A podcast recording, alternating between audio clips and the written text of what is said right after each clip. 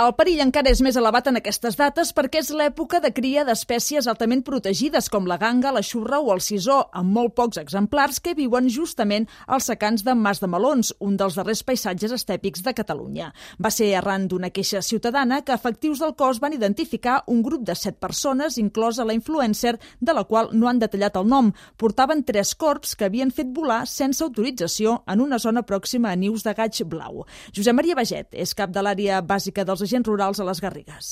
L'interès que podien tindre jo crec que no va més enllà de, de gravar alguna imatge. Clar, són espècies que poden atacar el, el gaig blau.